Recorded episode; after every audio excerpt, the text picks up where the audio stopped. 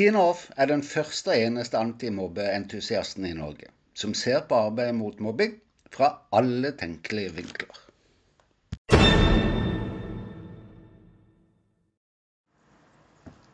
Med jevne mellomrom tar lærere opp den svake rettssikkerheten lovendringene i mobbeloven har gitt, altså dagens skolemiljølov.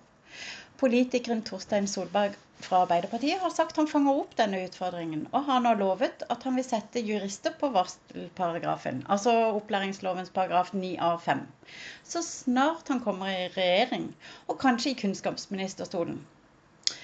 Vet du, utfordringen til læreren krever fjerning av ett ord i varselsparagrafen fra politikerhold. Helt uten juristavdelingen, spør du meg. Dette har det også vært pekt på, inkludert av meg sjøl, og kan leses i proposisjonen som ble skrevet den gang da. Langt viktigere å forstå er nemlig behovet for å fange opp i hvilken grad læreren leverer på sine krav, i tråd med opplæringslovens paragraf 9 av 2 om trygge og gode skolemiljø. For oppfyllelse av dette kravet vil jo gjøre at elevenes behov for å ta i bruk varselsparagrafen forsvinner. Har vi tenkt på det?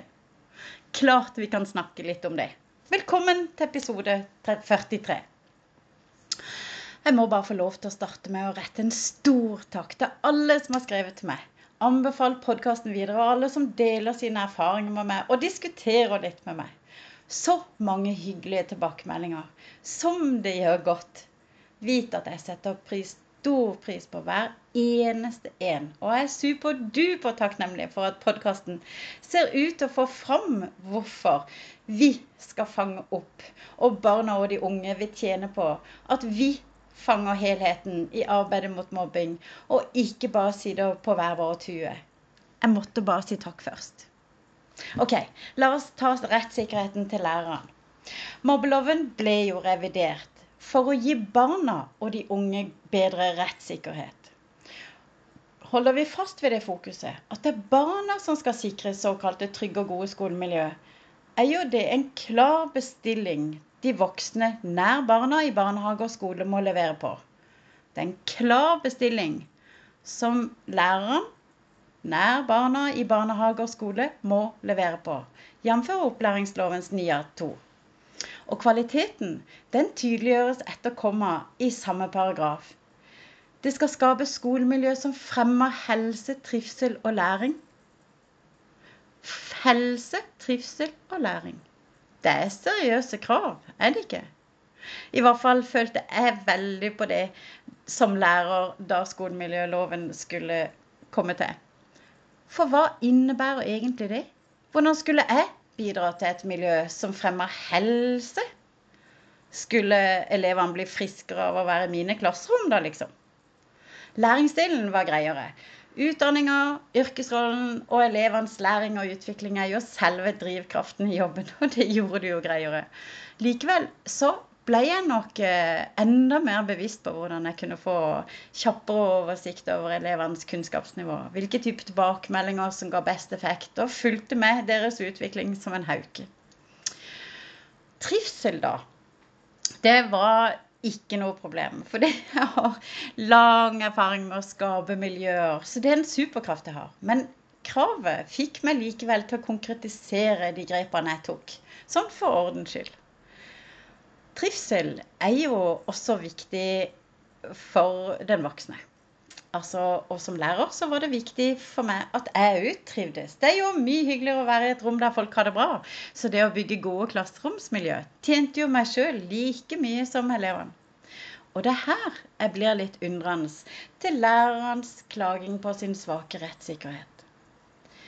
Hvis en lærer leverer på kravet om å skape trygge og gode skolemiljø, og på kvaliteten som fremmer helse, trivsel og læring, vil elevene oppleve at læreren utsetter dem for mobbing da, mon tro? Vil det være mulig? Og her har jeg grubla en del. Fordi svaret kan likevel kanskje være ja, selv om jeg umiddelbart ville ha svart nei. Og det kan det være flere årsaker til som kommunikasjon mellom voksne og barn, som av og til kan være litt vanskelig. Bruken av ironi, at det skjer misforståelser. Når det er sagt, så tror jeg at i trygge og gode klassemiljø vil det være rom for å rydde opp mellom elev og lærer. Så da er vel kanskje Ja, da er vel kanskje tilbake igjen til svaret nei. Det vil ikke åpne for at elevene opplever mobbing fra læreren. I hvert fall i langt mindre grad enn der lærer ikke leverer på kravet og kvaliteten. Og da blir jo spørsmålet i hvilken grad leverer læreren på kravet? Gjør han ikke? Det er et tungt spørsmål å stille for en tidligere lærer. Men jeg tror du må til om vi skal snu denne trenden som vi ser, med økning i elevenes uhelse, og skape noen positive resultater i arbeidet mot mobbing. Jeg tenker på profesjonalisering av læreryrket. Kanskje er det på tida. Kanskje trenger den underkommuniserte betydningen av å makte bryte sosiale hierarkier allerede fra første stund. Evnen til å bygge opp et klassemiljø. Kompetansen til å endre uønska eller negative sosiale mekanismer i sving. Og strategisk oppfølging gjennom skoleåret. Her kan en kanskje rope høyt til lærerutdanningene, men oppfyllelsen av kravet vil alltid ligge på lærerens skuldre. Fordelen, da, er jo mange særlig for elevene, men også for læreren sjøl, som vil være langt mindre følelsesaktivert. Det tilfeldige vil reduseres. Og læreren kan oppleve da å stå stødigere i sin rolle. Også foreldrene kan kanskje merke forskjell. Kanskje ved å bli møtt med en større romslighet ved spesielle behov eller utfordringer.